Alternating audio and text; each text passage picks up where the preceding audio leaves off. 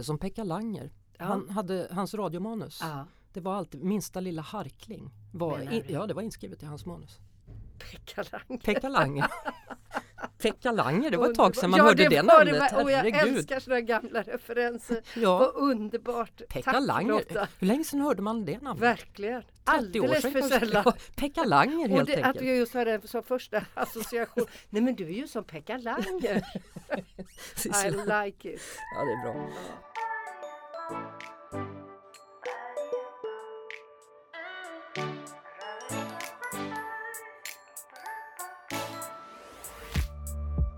Ibland händer det att man bestämmer en tid men ändrar den och tar fel på tid. Det händer inte ofta.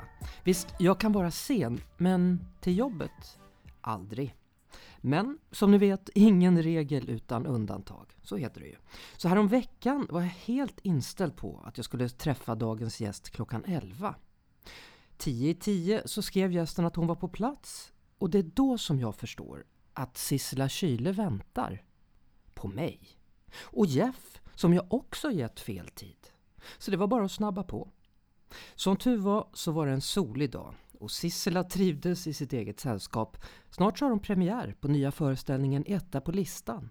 Den första egna scenshowen på tio år. Så hennes tid är dyrbar och vi fick alldeles för kort om tid på oss. Men ibland så får man bara gilla läget. Vi kallar det för Sissela Kyle bredvid Bromé del 1. Mycket nöje. Förresten, om någon nu undrar. Sissela Kyle utsedd till Sveriges roligaste. Prisbelönt med både Povel Ramels karamell och diktstipendium och flera guldmasker. Under många år sällskap i juletid med Fröken Friman. Spanare i P1, politiker i parlamentet och sommarpratare. Ett av de mest avlyssnade just denna sommar.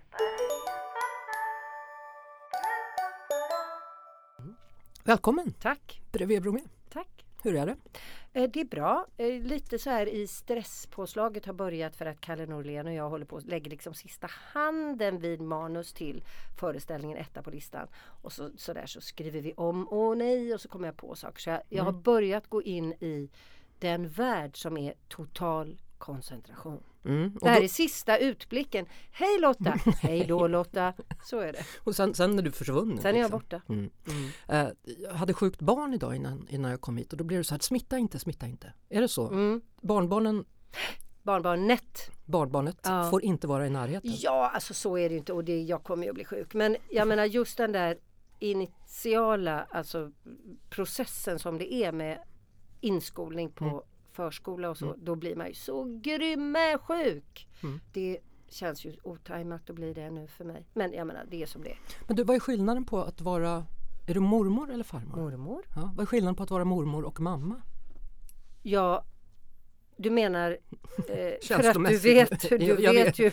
jag vet, typ det vet jag. ja, precis. Eh, nej, jag, alltså mamma, då är man ju alldeles uppe i och så tycker jag också att det var en tid när jag hade så mycket som jag gjorde samtidigt och eh, här som mormor så får jag ju träffa liksom när jag träffar kan jag vara väldigt koncentrerad på att vara med Mm. Stella som hon heter. Mm. Och eh, ja, så det, ja, det, ja, ja, ja, det är ganska nytt. Hon är liten fortfarande, Mm. ett och ett halvt år. Men jag känner mig odelat koncentrerad och verkligen förundrad inför detta att hon lär sig. Alltså jag kan säga att hon kan ju inte prata än. Hon pratar så pratar hon. Mm. Men hon kan gå och springa och hoppa och alltihopa. Men hon kan, så säger jag till henne Ska du följa med mormor och lägga i tvätten i tvättmaskinen? Då bara peppre, börjar hon gå så bank, bank, bank på dörren till badrummet. Och så öppnar hon och så pekar hon på tvättmaskinen. hon har koll. Så ja, men hon, hon kan ju inte säga någonting. Men så mycket hon kan, så mycket hon vet. Jag tycker det är helt hisnande. Du var ute och fjällvandrade i, i somras här. Ja, alldeles nu i höstas. Var du själv eller? Nej för fasiken. Jag var där med min jättetrevliga kusin och hennes, en av hennes döttrar och med min son. Så vi var fyra stycken som vandrade i Jämtland. Har du fjällvandrat Nej, jag har aldrig gjort det. Men jag har varit i fjällen. Men jag har inte... Gör det. Det är vad, är, vad, vad är det med det? Alltså jag, eh, men jag gillar att gå, jag gillar väldigt mycket att vara ute överhuvudtaget. Jag tycker om ja, att vara ute. Mm. Och jag tycker om att gå och då kommer man in i så här gå och gå och så är det ju fantastiskt med miljön. Det är så mycket himmel. Det är så mycket frihet på något sätt. Mm. Och mentalt rum. Det är väldigt härligt. När du sitter och skriver som nu då, Mm. förberedelserna för den här föreställningen som Mm. har premiär i början av 3 oktober. oktober. Precis. Eh, hur gör ni då? Säger ni vi ses klockan nio och sen sitter ni koncentrerat Mm. eller? Så kan det vara. Vi- var så här, Kalle bor ju inte i Sverige utan i Spanien. Mm. Men då sågs vi för ja, ett antal månader sedan. Eh, och så säger jag så här. De här grejerna skulle jag vilja ta upp. Det här har jag funderat på. Det här har jag funderat på. Så listar vi upp det liksom. Mm. Eh, och den heter ju också etta på listan. Ja. Mm, men då gör vi en lista på de här grejerna. Och så kan det vara så säger Det här kan jag börja skissa på säger Kalle. Och, för det, det fattar jag helt. Och det här, nej men det här skissar jag på. Mm. Så liksom delar vi ut det och så skriver man skisser och så mejlar vi till varandra. Och så eh, feedbackar vi varandra och sen ses vi. Vi sågs i somras på mitt sommarställe och jobbade otroligt koncentrerat och gick igenom nej det här blev inte bra, det här blir jätteskoj och så. Och nu är vi i liksom omprövning och eh, finslipning. Det är kul att jobba ihop med någon. Mycket. Mm. Det är väldigt roligt. Mm. Och då kan man också känna som Kalle helt säger då finns det i alla fall en som skrattar. Ja. När, när du sitter och skriver manus Mm. och, och gör en föreställning, hur mycket improviserar du under en sån? Under själva föreställningen? För det känns alltid som du Jo, improviserar. jag vet, men det är ju tricket. Det är Ja, ju det det är. är Alltså, det det så är. det, hela grejen med skådespeleri är ju att traggla och traggla för att lära sig någonting utan till och sen få det att låta som att man föder det. Som att man inte har lärt sig någonting. Mm. Det är ju det som är grejen. Nej men det, jag brukar ju ha en viss publikkontakt och i den uppstår ju improvisation. Mm. Men annars så har vi skrivit det mesta. Humor, vilken, vilken humorform gillar du mest? Ironin har vi förstått. Då. Ja, alltså jag kan inte säga det. Jag, allt som får mig att skratta och det kan vara faktiskt oväntat vad som helst. Sen kan jag också faktiskt uppskatta att folk försöker vara roliga. Så att jag, jag är förtjust i hela, hela grejen, humor. Jag har så svårt för människor och sammanhang som är humorfria. Mm. Jag, då känner jag mig främmande och vilsen och liksom lite dyster och alienerad. Mm. Faktiskt så är det så. Även i de mest allvarliga och seriösa sammanhang så tycker jag att det finns någon liksom glimt av humor alltid. Vad, känner du det? Ja, jag håller med dig, men jag, humor för mig är så mycket mer. Liksom. Mm. Det, är- det är ju en värme. Mm. Det är en mänsklighet. Det, det finns ju olika typer av humor. Jag, jag är inte så förtjust i sån här taskig humor. Nej, Det gillar ju inte jag. nej, det kan jag vara. Ja, det vet jag. Vet att du kan vara Ja. väldigt sån. Men, men det ändå, ändå så är det ju liksom, jag vet inte, det känns ändå som att du har något Ja, värme alltså, i, även när du är elak. Jo, jo, det är ju absolut. Jag vill ju inte att någon ska bli ledsen. Nej. Såklart, det vill jag verkligen inte. Men jag kan ändå. Men, men är humor utlopp eller är det en samhällsobservation? Förstår du vad jag menar? Ja, det är väl alltihop kanske. Mm. Men buskis? Ja, Hur, det jag- kan väl vara jätteroligt. Tycker du det? Ja, absolut. Jaha. Jag ska säga jag har inte sett mycket buskis och jag är själv inte alls bevandrad i buskis. Jag har aldrig varit med i det. Men jag ska säga att jag såg lite jag har sett lite grann, nog fasiken är det kul och jag gillar att man håller på. Och jag, jo då, respekt. Mm. Ja då. Okej. Ja, det är ju ingen stor genre och den är ju allmänt sedd över axeln. Men jag, nej, men jag har nog ett eh, klart hjärta för buskis. Mm. Det är intressant att du har det för jag trodde, jag tänkte så här, okej parlamentet, där visar Ja. hur smart du är. Ja. Du, du har varit med i P1 Fa- och på farser. söndagarna, Ja. Spanarna. Ja. Och jag har ju spelat mycket fars. Ja. Och fars är ju liksom urverk. Mm. Där det är lagt precis. Där kan ju improvisation förstöra. Om någon börjar improvisera. Det går inte. Nej, för det ska väl smällas och springas i dörrar på I rätt. rätt precis. Ja, rätt Så stund. det passar inte alls. Nej. Nej, Nej men jag, jag tycker nog buskis är lite felaktigt underskattat. Mhm. Tror jag. Så den Fast- finns med på din lista vet- där? Kan hända det. Ja. Kan hända att det finns en säg, buskis. Vad sa du nu? Det är lite underskattat för?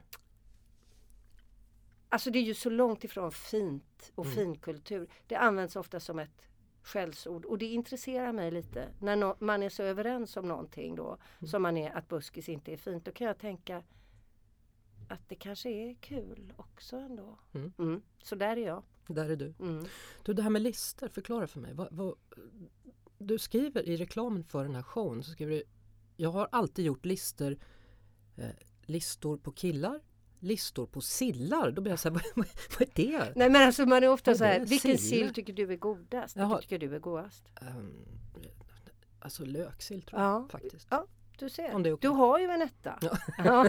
Och man och alltså börjar man prata, precis som det är så här, vilket är det äckligaste smågodis du kan tänka dig? Mm. Du, vet du, såna här colaflaskor tror jag.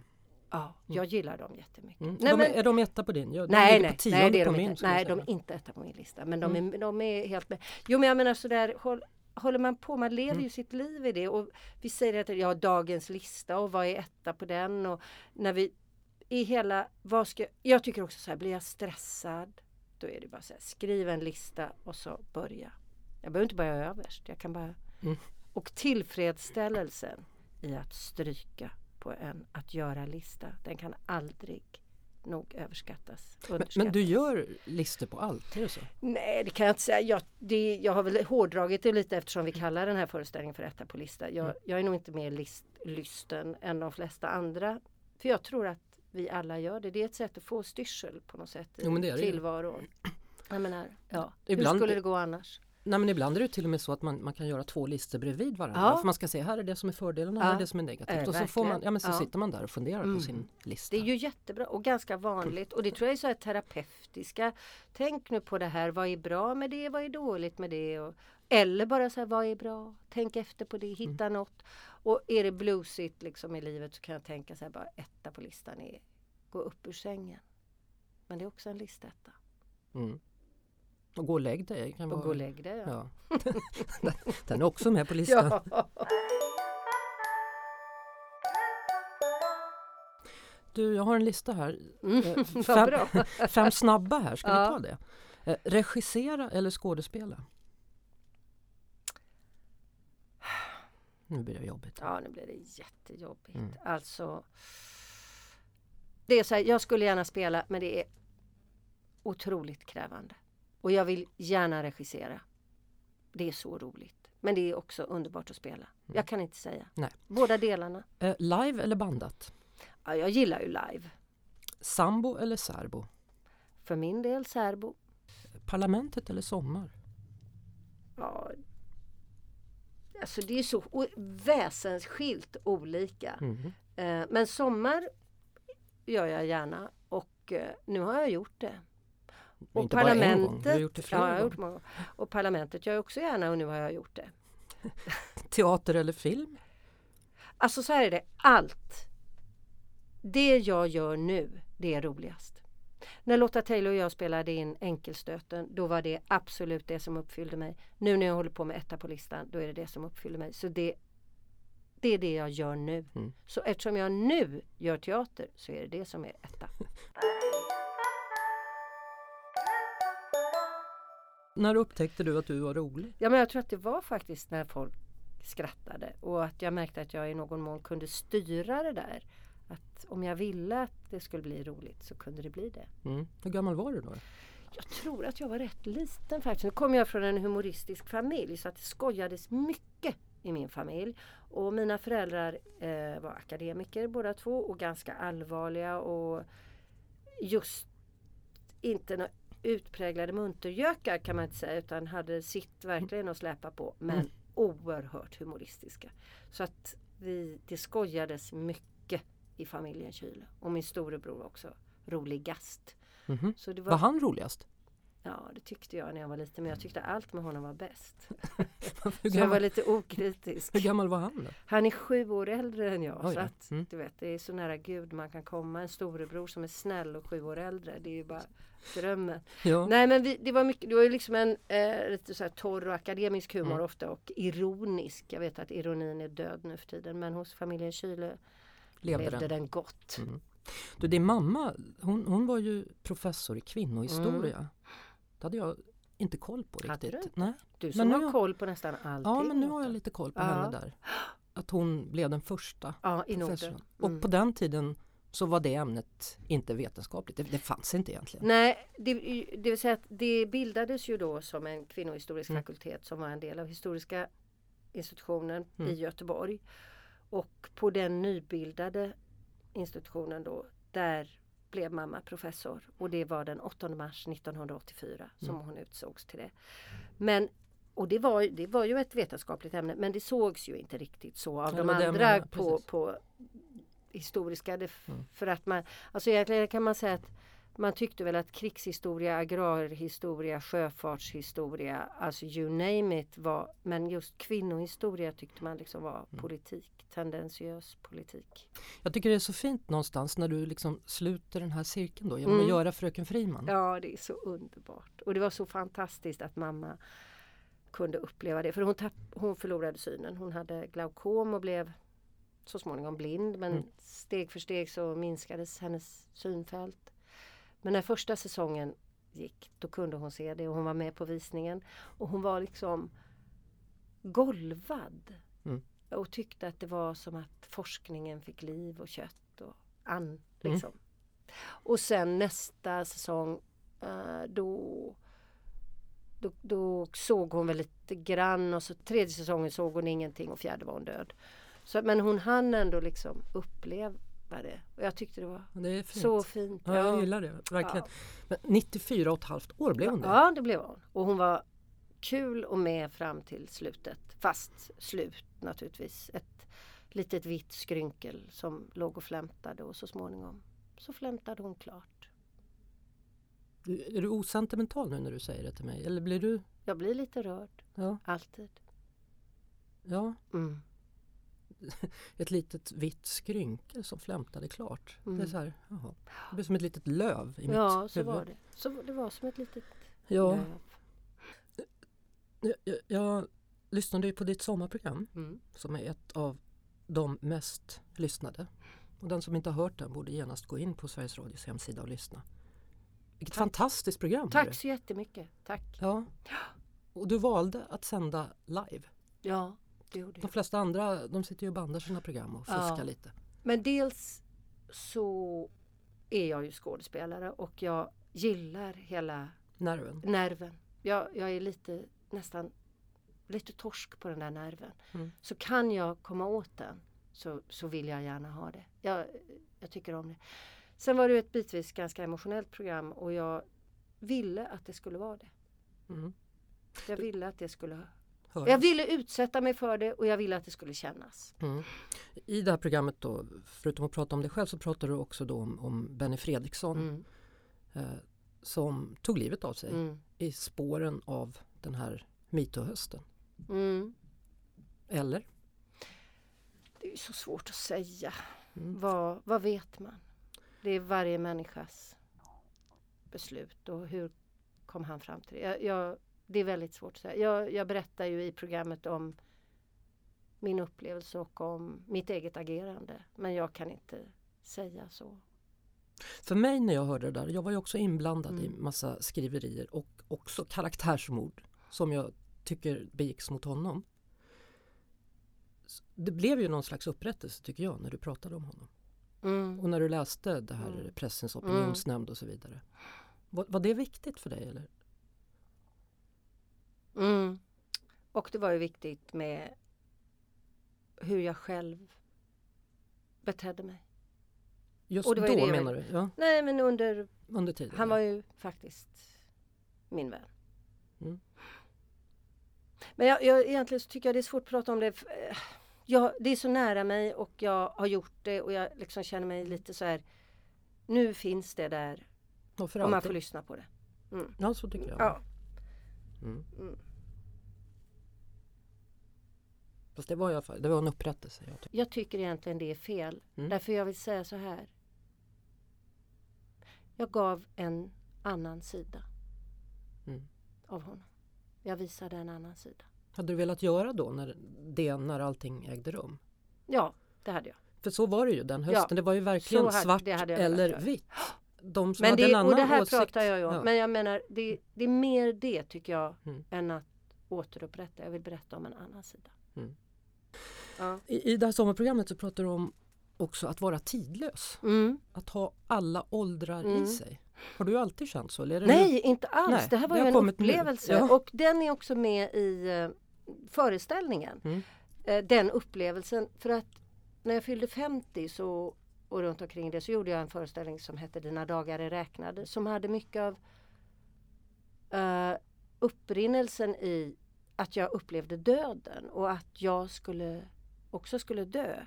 Och någonting som jag ju har intellektuellt vetat men som, som liksom blev en insikt. Mm. Detta gäller även mig. Och det blev som lite en skugga, en relief över tillvaron och att jag hade med mig det hela tiden.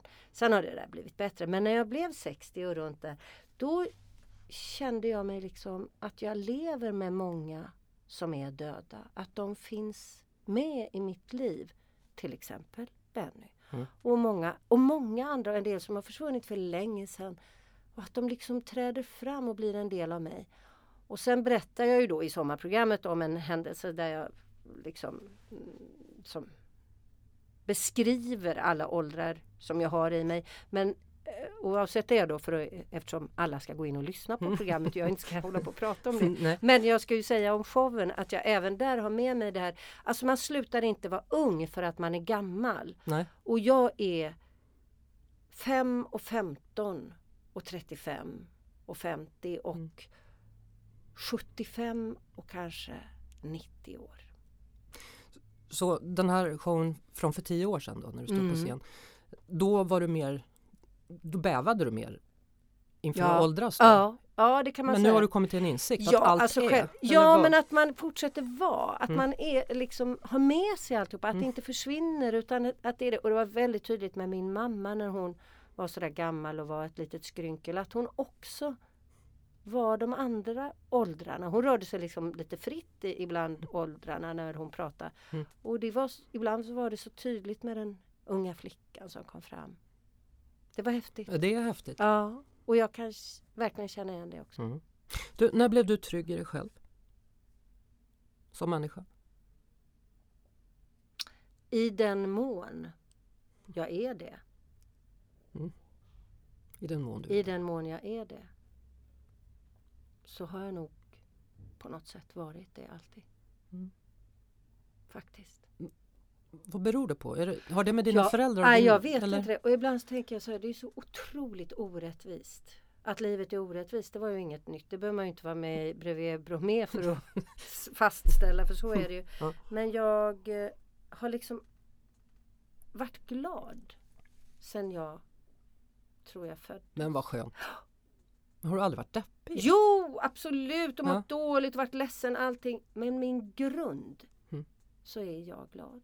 Så då är det halvfullt, Ja, det där glaset som Ja. alla pratar om. ja. Och jag blir liksom att, eh, om man säger inför, ska vi börja jobba med ditten eller datten? Så tänker jag, ja. Det, Mm. Alltså jag, jag är sån. Jag kan inte hjälpa det eller vad jag ska säga. Och jag är väldigt tacksam för det. Och min mamma, min pappa sa, ja, Mm. du var glad. Vet du vad? Eh, Det här Ja, är del ett på vårt samtal. precis. Så jag tänker att nu avslutar vi här. To be continued. Ja, faktiskt är Ja. det så. Ja, Du som det. lyssnar på Bredvid Bromé nu, Sissela Kyle kommer komma tillbaka. Då fortsätter vi vårt Ja, samtal. Så avslutar vi det här nu. Ja, Topp! topp. Tack!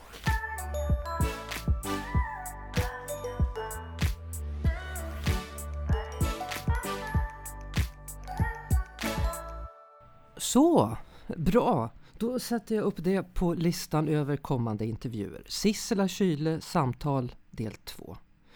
Annars så är jag just nu mest upptagen av att försöka pricka av packningslistan. Eller snarare, jag borde ju vara det, men jag har inte börjat än. Jag har ju gjort själva listan på vad jag ska ha med mig till Brasilien, men jag har inte hunnit packa än. Det finns ju så mycket annat på den där andra listan.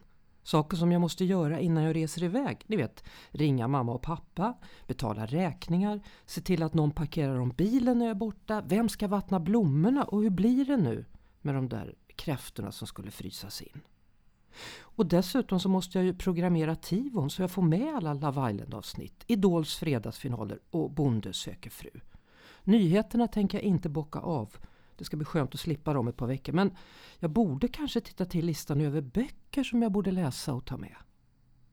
Listor är nog bra. Men hur blir det när man som jag till och med måste ha en lista på listorna? När man gick i femman så satt listorna där under locket på skolbänken. Där fanns snyggaste killelistan. När jag var 15 så var det listan på de bästa mellolåtarna. Tre år senare då handlade det om partiernas listor och val till riksdagen. I vuxen ålder så är det mer listor över vad som är bra kontra dåligt när man allt som ofta ska välja mellan det ena eller andra. Väga fördelar mot nackdelar. Eller listan på vad som ska handlas på ICA eller Coop. Och är jag riktigt avancerad då gör jag listor över samtliga mataffärer i Arninge och så handlar jag två, tre varor en här, en där och oftast slutar det med att jag gått ifrån själva listan och handlar för mycket. Min roligaste lista är nog ändå julklappslistan. Inte vad jag önskar mig då utan snarare den där jag skriver namn på alla som jag vill ge en julklapp och vad de ska få. Och sen är det som tur är tomten som tar hand om resten.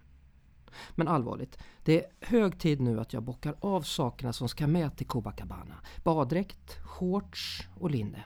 Jag måste packa nu och jag kan i alla fall stryka en sak på måste göra innan jag åker-listan. Den här texten. För den slutar nu och Jesper har jag skjutsat hem till sin mamma så det kan jag också stryka. Men eh, självklart så hann vi med en stund i hundparken. Där livet fortgår med eller utan lister.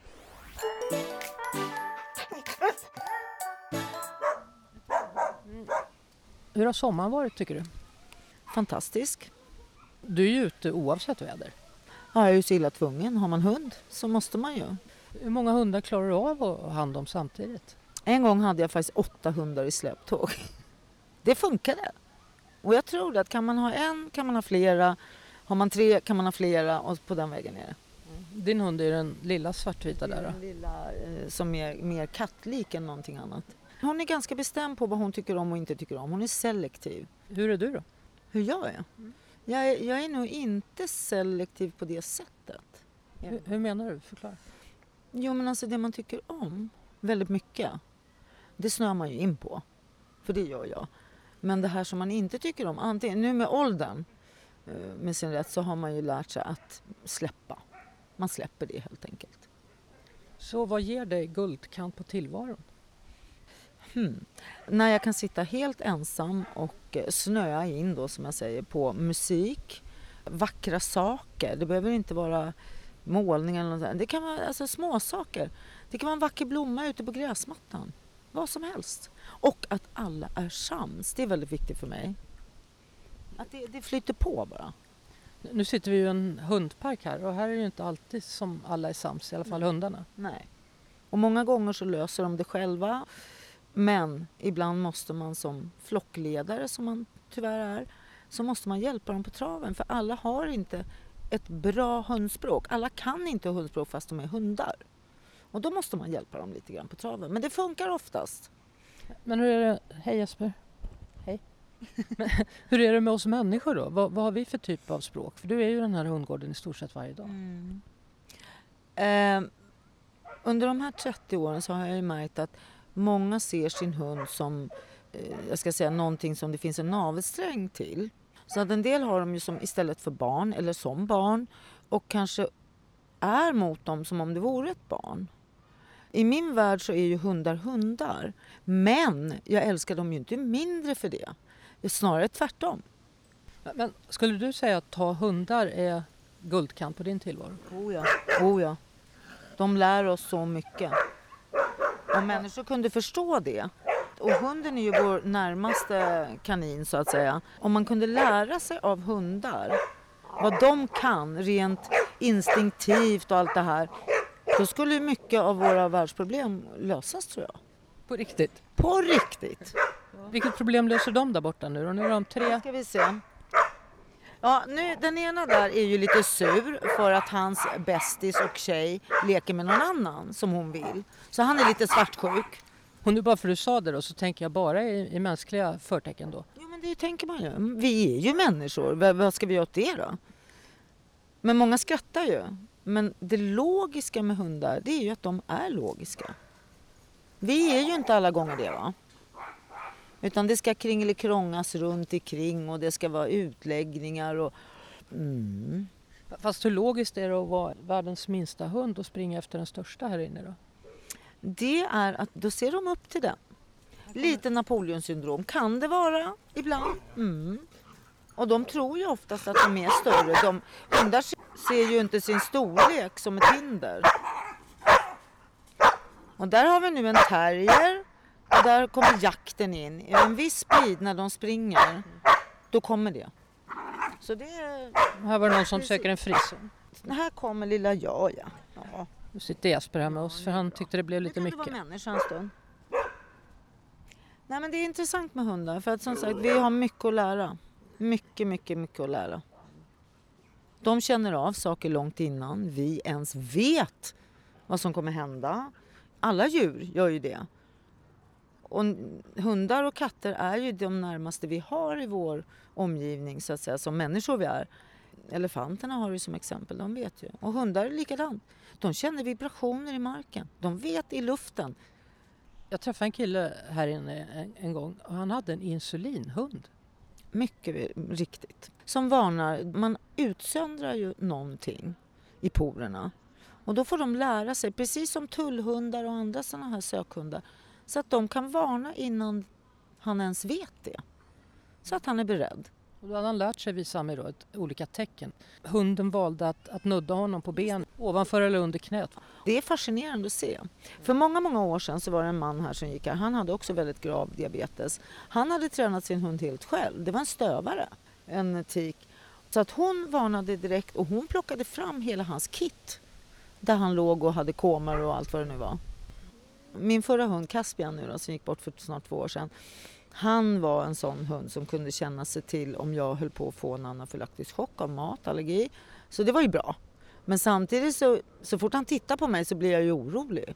Så det blev, det blev så dubbelt. Blev, och nu är ju Chiquita då som jag har kvar, hon är ju likadan.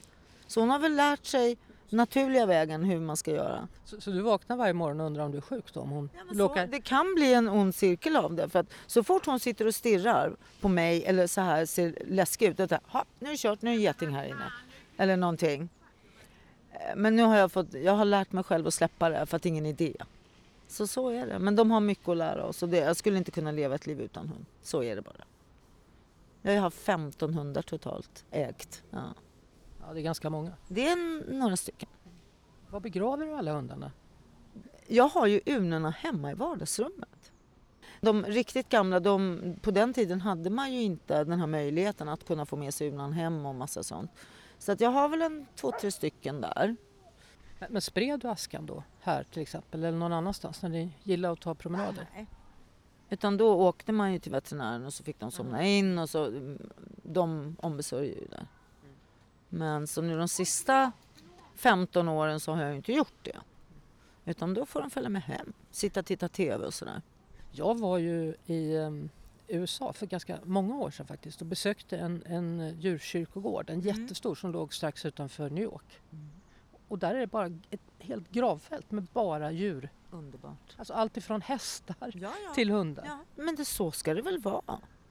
Tycker jag. Jag är förhoppningen den dagen jag trillar av pinnen eller vad det kallas för att jag får ta med mig mina urnor och då säger jag men gud vad trångt det kommer bli i den kistan. Det är inte så jätteviktigt. Vad säger du? Ska du ligga i kista?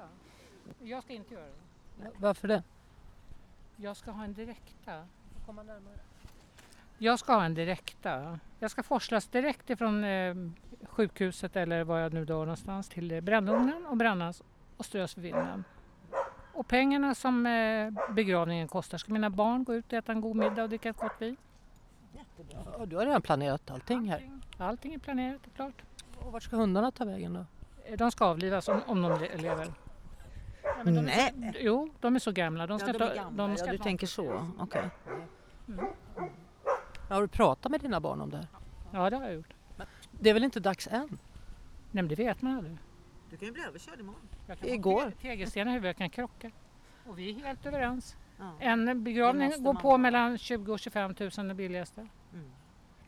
Då ska de dricka gott glas vin och äta middag bara barnen och barnbarnen. Mysigt. Jag vill ha fest tror jag. Tre dagar ska det vara. Och ska jag ligga där mitt i... Nej men gud. Hybris. Nej men lite så. Jag vill inte... Många säger så här. Ja, det är bra om det går fort. Så. Och så dör vi. Nej. För det är inte bra vare sig för anhöriga eller själv tror jag. Utan jag vill nog suga lite på karamellen, hinna säga hej då. Faktiskt. Då var vi där med den där guldkanten igen. Du. Ja, det är lite så. Jag vill ha lite guldkant på döden. Ja, ja, och du vet det här, jag tänker ofta på det här Astrid Lindgren när hon pratar med Elsa varje morgon och säger döden, döden, döden, så var det klart. Nej, jag vill göra så här. Livet, livet, livet. Det tror jag på. Döden kommer sen i alla fall. Visst är det så att... Har du varit på andra sidan någon gång? Oh ja. Tre gånger. Så nu får jag nog. Hur, hur var det där på andra sidan? Alltså du fick problem med hjärtat? Ja. Jag dog på jobbet helt enkelt. Och em, trots medicin så nej, det gick inte. Så att alla funktioner avtog ju. Det var ju bara så. All smärta försvann. Det var ljud, det var ingen tunnel, det var inget sånt. Men det märkliga i kråksången var att det var så lugnt, det var så underbart och så var det vita hundar överallt. Och då förstod jag att hundar, det är ju min grej. Så, så var det klart. Så du behöver inte vara rädd för i din himmel där finns hundarna. Jag hade extrem dödsångest efter hjärtoperationen för att det var ingen som hade talat om för mig att man skulle få det, eller kunde få det.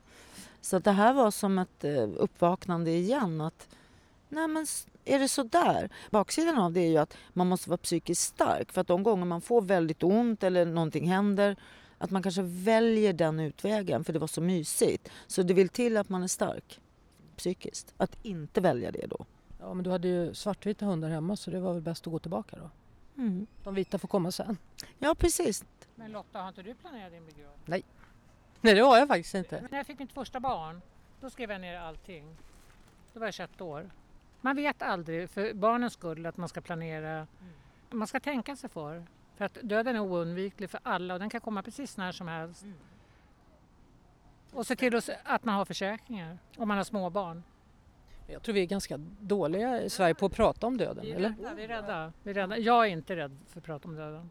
Absolut inte. Döden är väl det mest naturliga. Födseln är ju väldigt weird. Det är, det är ju jättekonstigt egentligen att vi föds.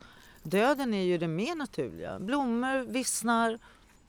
Tycker alla som har barn Det är tabu. ska faktiskt planera.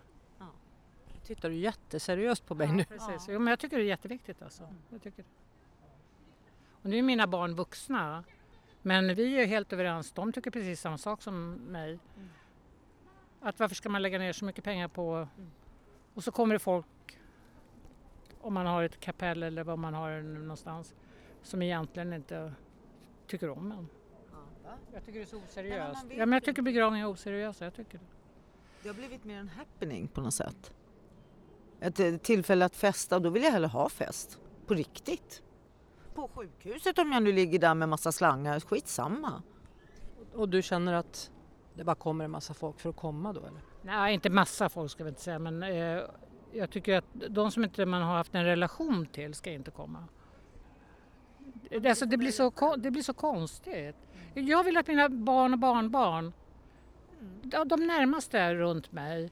Sen kan folk som känner mig och tycker om mig skåla hemma eller vad de vill göra, dricka en kopp kaffe och säga hej hej, vi ses. För det kommer vi göra kanske, eller inte. Du är ju helt säker. Det, jag vet det. Nej, det är jag inte så säker alltså. Nej, jag tror att man somnar. Men du, vad, vad eh, motsatsen då? Vad gör du för att få guldkant på tillvaron? Umgås med mina barnbarn. Det är min guldkant. Det är absolut det finaste jag kan göra, det är att vara med barnbarnen. Vad gör ni för något? Ja, bara är och vi pratar väldigt mycket för de börjar bli stora nu, sju och fem år. Och alla hundar jag umgås med. Och många, många trevliga människor. Och speciellt kvinnor som jag, jag har lärt känna på äldre dagar. Som jag uppskattar väldigt, väldigt mycket. Vi har väl känt varandra i 30 år någonting. Jag har ju inga barnbarn, vad ska jag ha då? Nej men jag har hundarna. Jag tycker barn är så härliga alltså. De säger precis vad de tycker och Ja. tänker och känner är i stunden. Lättare att vara med barn tycker jag än vuxna. Och det är lättare att prata med barn om döden också. Oh ja. För vi har haft ett dödsfall i familjen för ett tag sedan. Tre månader sedan. Något. Så frågar mitt lilla barnbarn, vad är gammelfarmor Lilian? Men farmor hon har ju åkt till himlen ju, säger hon till mig. Precis som den naturligaste sak i världen. Och det var så skönt. Ja, ja just det, det hade hon ja. Så, så jag sådär liksom. Jag har haft dödsfall precis idag. Mina stora barns pappa. Mm. Och det, det känns också. Och många kan säga att ja, men det var ju ditt ex. Det var ju... Ja men hallå. Vi var ju tillsammans i nästan 12 år och har två barn. Det är väl klart. Får du ta en flaska vin? Nej men jag dricker ju inte. Ja men då får vi börja med det jag nu kan då. titta på en flaska vin. Du kan ju tända ett ljus. Det kommer vi göra. Det kommer vi göra. Alltså, jag känner jättemånga som har dött och folk som jag inte har umgås med på jättemånga år. Men det har åkt hem till dem och har tänt marschaller utanför dem och, och bara säga hej då liksom. Jag går inte på deras begravningar och, för det är folk som jag inte umgåtts med på jättelänge. Men de finns ändå i ditt medvetande. Ja, det är klart. Precis, men då gör jag liksom, åker jag på en kväll och tänder utanför och så försvinner jag därifrån och ingen vet vem som har tänt.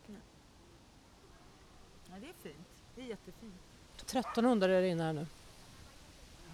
Om jag räknade jag rätt. väg till skogen. Mm. För Sen ska Nina gå till veterinären här. Ja. Hej Jesper. Ja, titta på Gaston där. Nej, titta han skallrar med läpparna. Nu är det någon tik som luktar gott. Han skallrar med munnen sådär. Det är tre hundar till.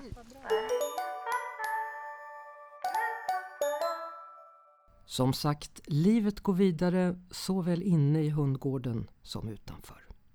Nu har jag i alla fall hunnit så långt på min lista att det är dags att säga hej för den här gången. Om två veckor så hörs vi igen och vem vet, kanske blir det från Copacabana i Rio de Janeiro. Om jag nu bara kan pricka av allt så att jag hinner med flyget. Tack för att ni lyssnar. Tills vi hörs igen, ha det så bra.